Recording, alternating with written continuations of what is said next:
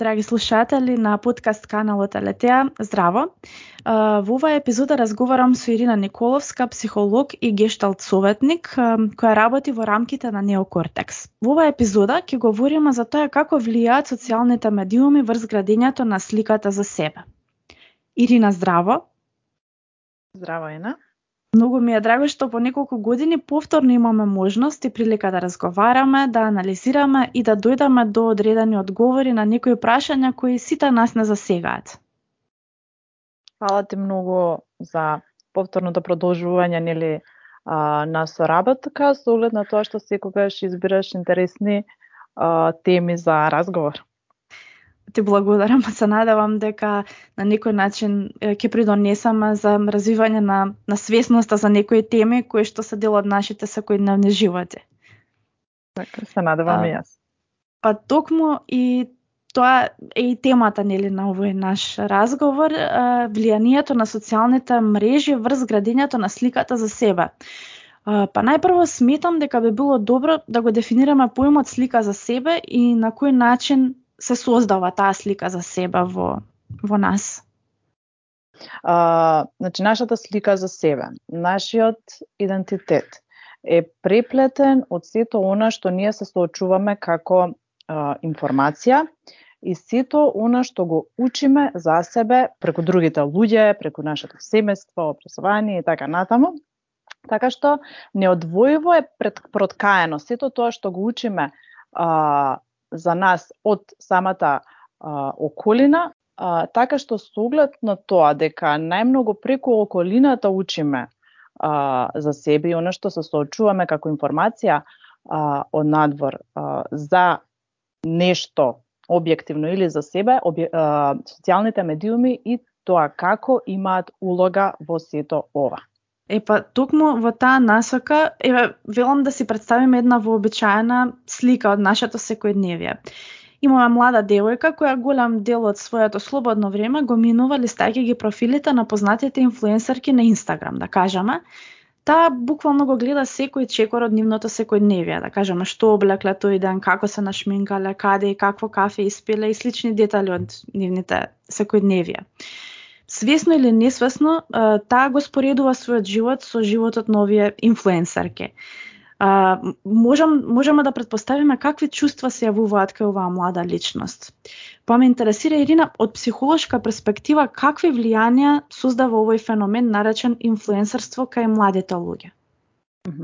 Вака, тука гледам како две а, поделени а, прашања, нели самото следење, на животот на, на друга личност која е видна, почитувана во општеството, да речеме позната и така натаму, и од друга страна како ние се чувствуваме во врска со тоа.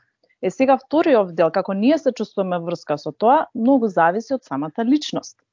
Како ние реагираме на содржините кои се изложени пред нас. Значи так. може да се восхитуваме, може да се разочаруваме, нели може да се јави гнев, може да се јави инспирација и така натаму. Значи што ќе се извлече од нас, значи е поврзано со тоа што ние доминантно носиме во нас. Е так. сега многу интересен момент што кажа ние го следиме целото нивно секојдневно функционирање. Па така? буквално, а, значи, еве јас можам да забележам, тоа се случува. Едноставно, а, ги гледаме целите нивни животи, значи буквално од, од час во час, од ден во ден, ние знаеме што прават тие луѓе кои што сме ги заследиле и кои што на некој начин стануваат веќе инфлуенсари во, во нашето обкружување сметам дека тоа не е природно, не е некако нормално за, за нашата природа која што имаме. И имам чувство дека дека влија, дека многу многу влија врз врз нас, односно еве врз да кажеме еве младите кои што а, се постојано на на социјалните мрежи листаат по овие профили. Така. Е сега тука а, ова што го а, нели спомена а, од а, утро до вечер во текот на целиот ден што прават се се постира.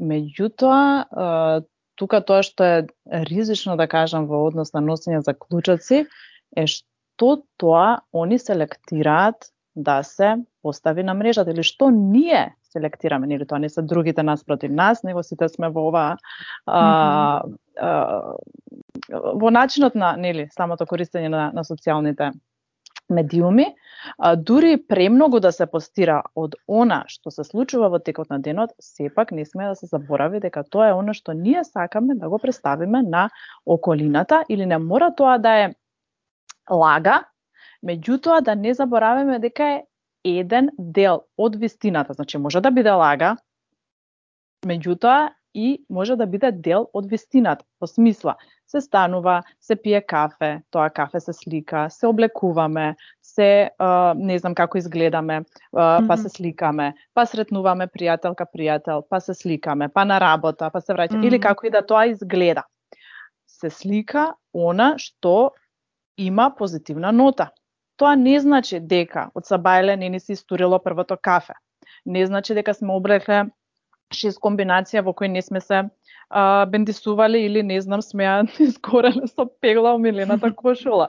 Не значи дека на кафе со пријателката а, не знаеме каков е квалитетот на разговорот, дали имало искреност, дали имало смеа, дали имало mm. оговарање а, и така натаму. Кој ќе се вратат, не знам, од работа со партнерот, со сите тие, не знам, вечера или што издае. Ние не знаеме што се случило, дали се искарале со партнерот, не се искарале. Нормално ќе се сликаат на смевките, на смевките ќе се ќе се а, ќе се презентираат. Е сега, самото по себе, тоа не е страшно, лошо и така натаму. Mm -hmm.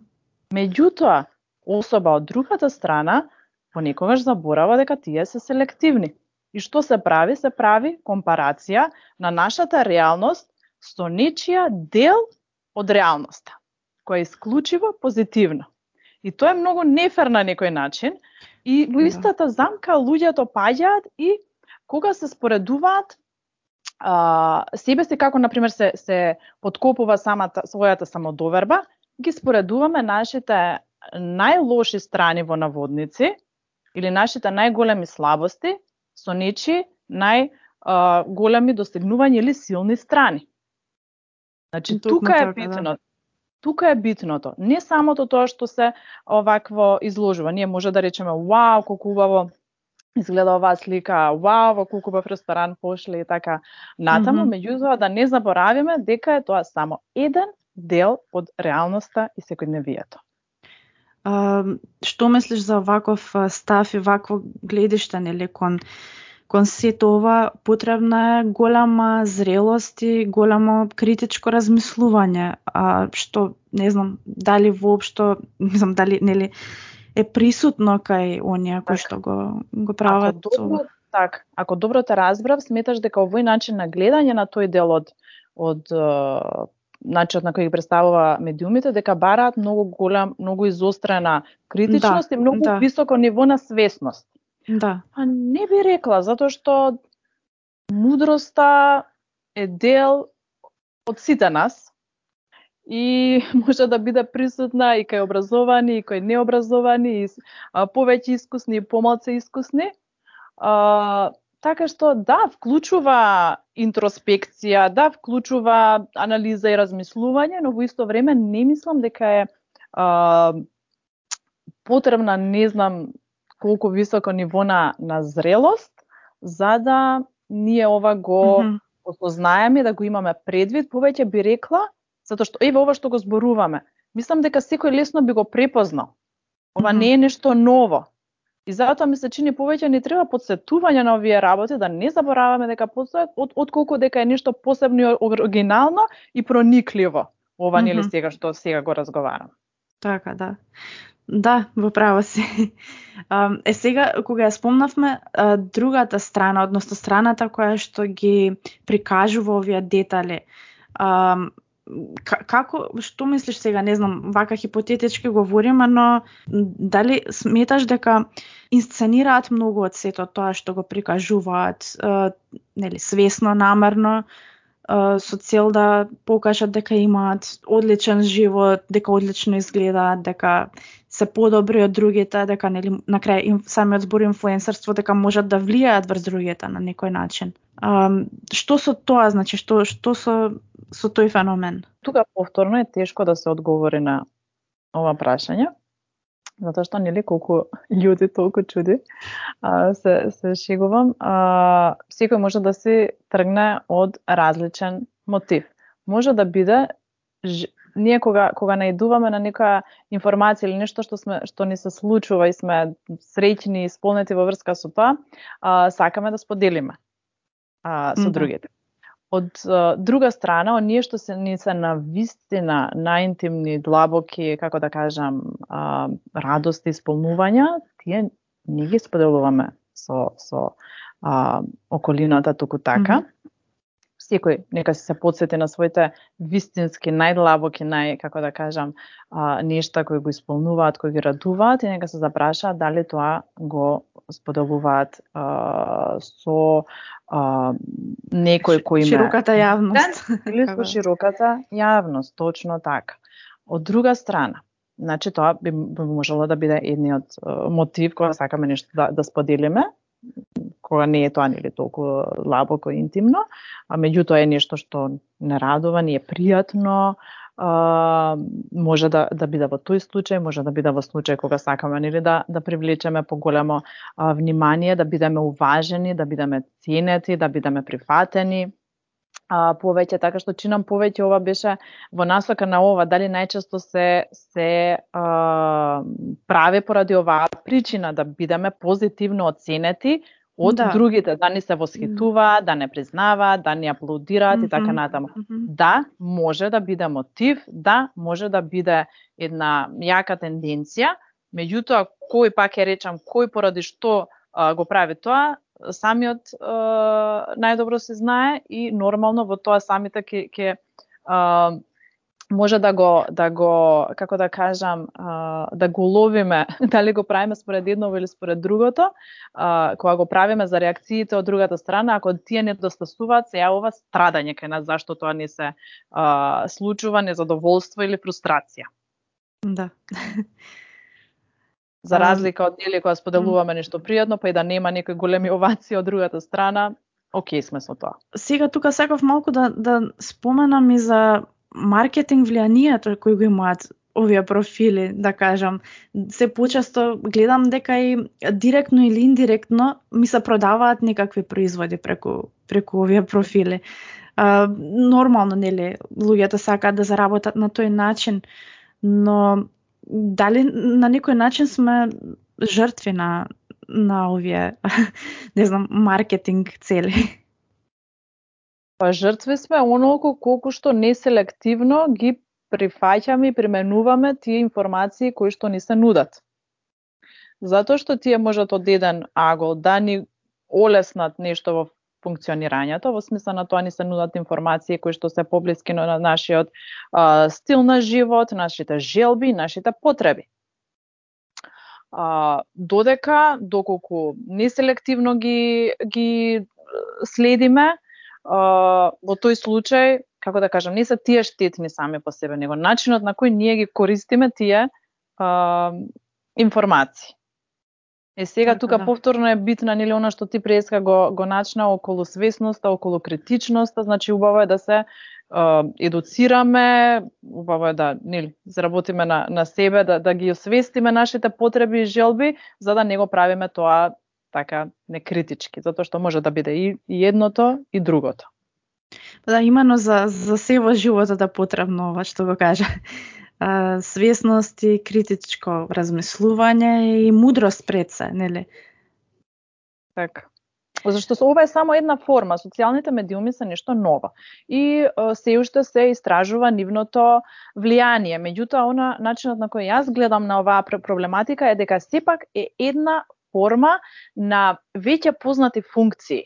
Функцијата на социјалните медиуми, барем за мене или за психолозите, не е ништо ново. Да, нова е начинот на кој тоа се прави. Mm -hmm, значи, функцијата информирање, дали е нешто ново информирањето? Апсолутно не. Функцијата е контактирање, дали е нешто ново? А, тука би рекла и да е не контактот е далеко од нешто ново, меѓутоа има некои нови а, елементи во однос на, а, на начинот, а, сликата за себе дали е нешто ново, селективноста и така натаму. Значи, сето ова се познати концепти, меѓутоа а, се ставени преку оваа призма, преку оваа форма. да, но тука е и нели оној момент на алгоритамот кој што не следи, ги следи сите наши интереси, наши конекции кои што ги имаме и а, на некој начин ни создава а, како се вика а, еден еден круг а, преку кој што не можеме да видиме нешто надвор од тоа, нели? А, го гледаме она што всушност сакаме да го видиме, она што а, што тој алгоритам ќе не го сервира, што е слично на нас, а сме дистанцирани од она дру, другото што што не не е дел од нашите так. интереси. Што мислиш како тоа како тоа влие? Мислам, сепак нели так. спомена дека се тоа не е ништо ново, но сметам дека дека овој момент е нов, а, нели, затоа што на некој начин не не се парира. Па повторно ми се чини дека има предност и недостаток ова. Нели предност во а, во смисла на дека ни го нуди она што ние всушност го го пребаруваме или на што ни е потребно како инфо, како нешто до што сакаме да да дојдеме. Во исто време не, луш, не лишува некои е, информации што е, би сакале да ги имаме надвор од нели тие е, како да кажам тенденции кои ние ги, ги покажуваме кон нешто што имаме потреба и сакаме а, кога нешто пребаруваме нели, а, на интернет, но од друга страна сепак имаме можноста самите да пристапиме до она што не интересира. Наместо да го конзумираме само она што ни се пласира. Е сега тоа се повлекува поголема одговорност во однос на пребарување на информации. Нели? Да, да. и тука тука може да бидат и не мора да значи меѓутоа поранливи оние луѓе или помлади или кои немаат нели а, искуство на крајата криштата и критичкото мислење е нешто што се учи а, низ искуство. И доколку ние самите не го совладуваме тоа за самите да преземеме иницијатива, да созреваме кон одно што ни е потребно, да дојдеме до тоа што ни е потребно како информација, да повеќе сме ранливи на ограничувањата кои ни го а, нуди ваквиот начин на а, на, на информации кои доаѓаат до нас.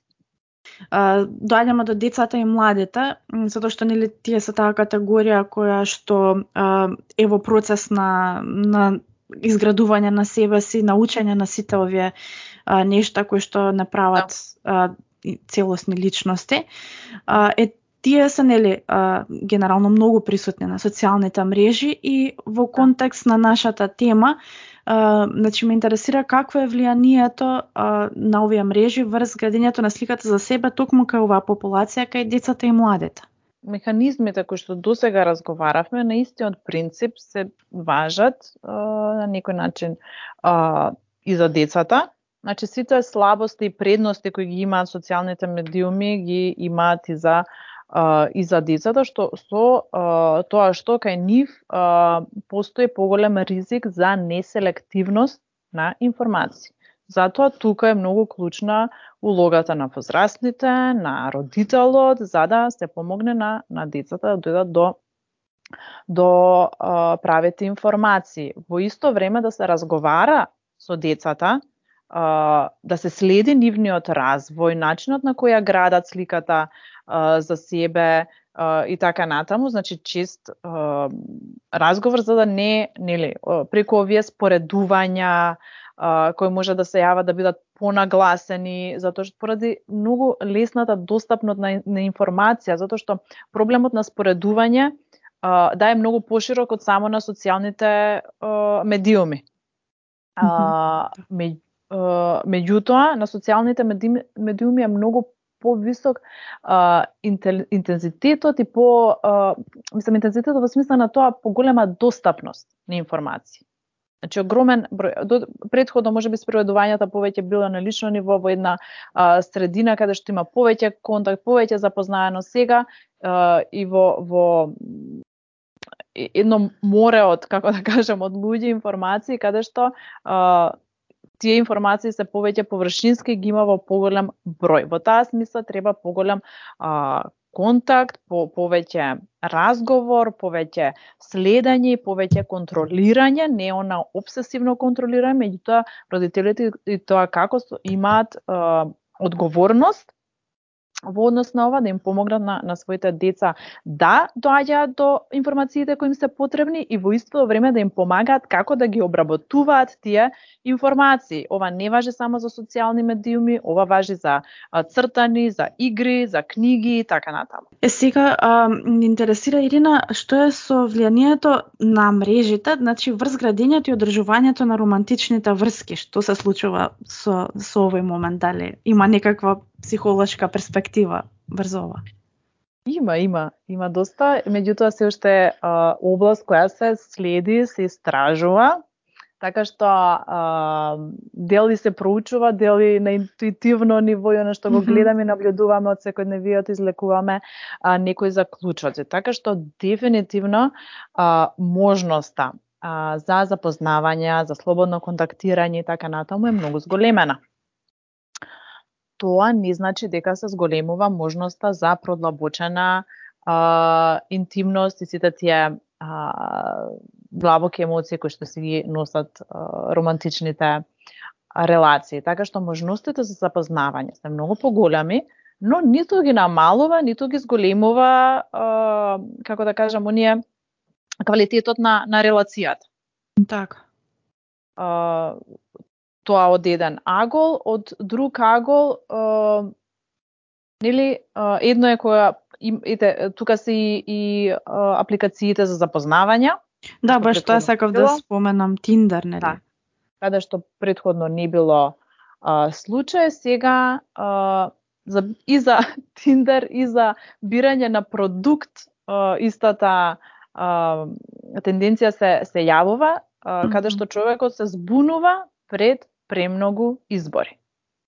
Пред еден, два, може би се малце, пет, во ред, десет, меѓутоа кога тие се море и море од избори, тогаш се зголемува а, анксиозност за приносење одлука, а, носење на, на избор и ова се јавува како еден парадокс на а, кога си има нели премногу избор да не се да не се всушност тој да не се прави или да да го отежнува целиот процес mm -hmm. и се сведува само самиот избор се сведува од повеќе од личност кон објект, што не мора да значи mm -hmm.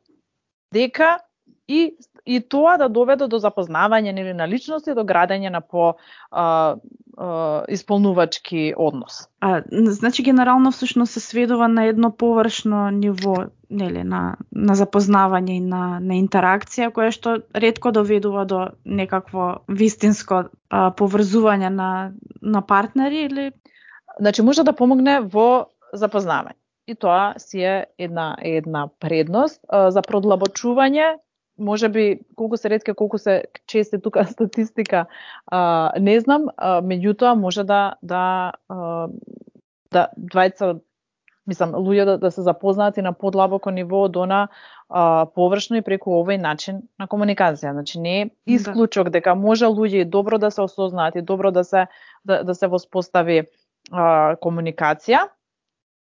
Меѓутоа пак ќе речам дека е начин на, на запознавање. А градењето на релацијата е многу повеќе од тоа. Така што тоа зависи од реалниот самата личност. Да, да апсолутно. А, е сега до сега некако одавме во таа насока на односно јас повеќе нели кон на негативно влијание на на социјалните мрежи. А, што мислиш дали има или може да има некаква социјална мрежа каде што нема а, да ги има овие негативни аспекти и кои може всушност да се искори, каде што всушност може да се искористат сите оние бенефити кои не ги дава мрежното поврзување. Или сметаш може, дека може ако повторно... сите луѓе кои го користат, го користат одговорно. така да. А дали тоа е можно, не знам. А, не сум најголем оптимист, сигурна сум дека во и едното и другото, значи дека ќе се постојат тие и а, и предности и недостатоци. Што би значило? Значи повторно не е самата мрежа, самата платформа, туку оној која користи која начинот користи. на, на која користи и оној кој ги конзумира информациите и начинот на кој ги конзумира информациите. А, она што би можеле повторно е во, во насока на кревање на, на свесност и градење на својата личност и а, селекција и детокс а, тогаш кога е потребно. Да, да се деактивираат профилите на одредено време. Да, да, апсолутно, апсолутно. Тоа никогаш го забораваме, значи толку се а, нели станува дел од нашиот стил на живење, а, што некогаш несвесно го а, ги користиме. Да, да, да ги користиме, меѓутоа да бидеме свесни кога ги користиме. А не, нели, например, стануваме махинално телефонот. Ако некој не праша зашто го правиме тоа, не ни знаеме. Mm -hmm. Или исто така периодот пред легнување. Препорачуваат психолозите барем еден саат пред легнување да не се користат социјални медиуми, за да не се лишиме од оној контакт со себе, од, како да кажам, од интеграција на сите нешта во денот низ кој што сме сме а, минале и контакт со со ближните, нели? Во во реалниот свет. Така, да, да, да. Ирина, на вистина, еве, веќе и дојде до, до таа прашање што повторно сакав да, да ти го поставам, но сметам дека, дека токму дојде нели, до, до самата поента на, на оваа тема.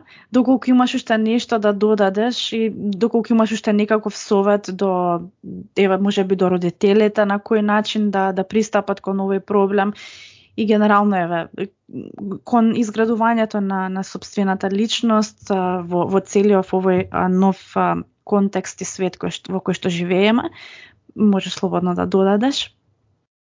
Па мене ми е сосема, како да кажам, во ред да бидеме возбудени со сето тоа што ни го нуди моментално а, светот на интернет информациите. Значи имаме море од информации кои предходно не, не се може да така лесно да ги имаме тоа се предавања, тоа се а, литература, а, значи информации кои ни се потреби без разлика дали е и во контекст на забава, и во контекст на, на едукација. Значи се е тол, толку лесно достапно. И сето тоа во, во со, со еден клик во рокот секунда можеме да допреме така. до сите тие информации, на вистина фасцинантно е тоа. Огромна со огромна временска економичност. Имаме толку луѓе да видиме како функционираат, како решаваат проблеми, како не знам, работат со со естетика, со уметност, значи да да следиме а, а, како се вика, уметници, пеачи, така натаму, значи се што не интересира од областа на и наука, литература, уметност и така натаму. А, се тоа толку лесно достапно што може да не да престанеме да го цениме, да се навикнеме на тоа. А, значи тоа како еден позитивен а, аспект што мислам сосема е во ред да се го да се го а, користиме. Имаме можност да допренесуваме до другите луѓе, да споделиме информација околу нешто што ни помогнало, околу нешто што а, што сме решиле или нешто што не знам, сме произвеле а, во однос пак на, на заштитата од сите тие информации кои доаѓаат до нас, а не знаеме што се носат со себе, значи да, провер, да го проверуваме изворот на нештото што доаѓа, да проверуваме повеќе извори по однос на некоја прашање која ни е потребно, област некоја. А, во однос на, на родителите со, со децата, да биде нераскини дел, дел од сите оние работи кои ги учиме нашите деца, па меѓу другото и е, користењето на социјалните медиуми. Значи, ние не можеме само да внимаваме на сликата нивна за себе која града само врз основа на, на е, медиумите, туку тоа да биде во склоп на како им помагаме да изградат здрава а, слика за, за себе, нели? Да им помагаме во изворот на доаѓање до вистински извор а, на информации. А, што друго би сакала тука а, да споделам, она што што исто ми беше битно е а, детоксот. Повремен детокс. Секој се знае а, како да кажам, колку а, во, во колкава мера а, ги конзумира нели а, онлайн информациите, значи повремен а, детокс и свесност за, за што ги користиме. Во однос на а, на зависност тоа малце не не начнавме во однос на Да, на тоа е веќе една друга тема која што навистина добре сега ако сакаш малку да да споменеш. Да.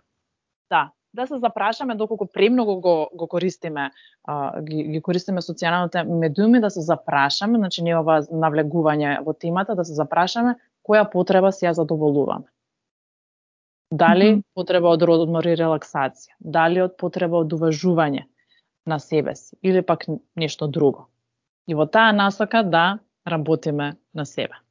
Така. Да, да правиме на начин на кој не си помагаме на себе си. Допре до, до многу точки. Ти благодарам многу за овој разговор.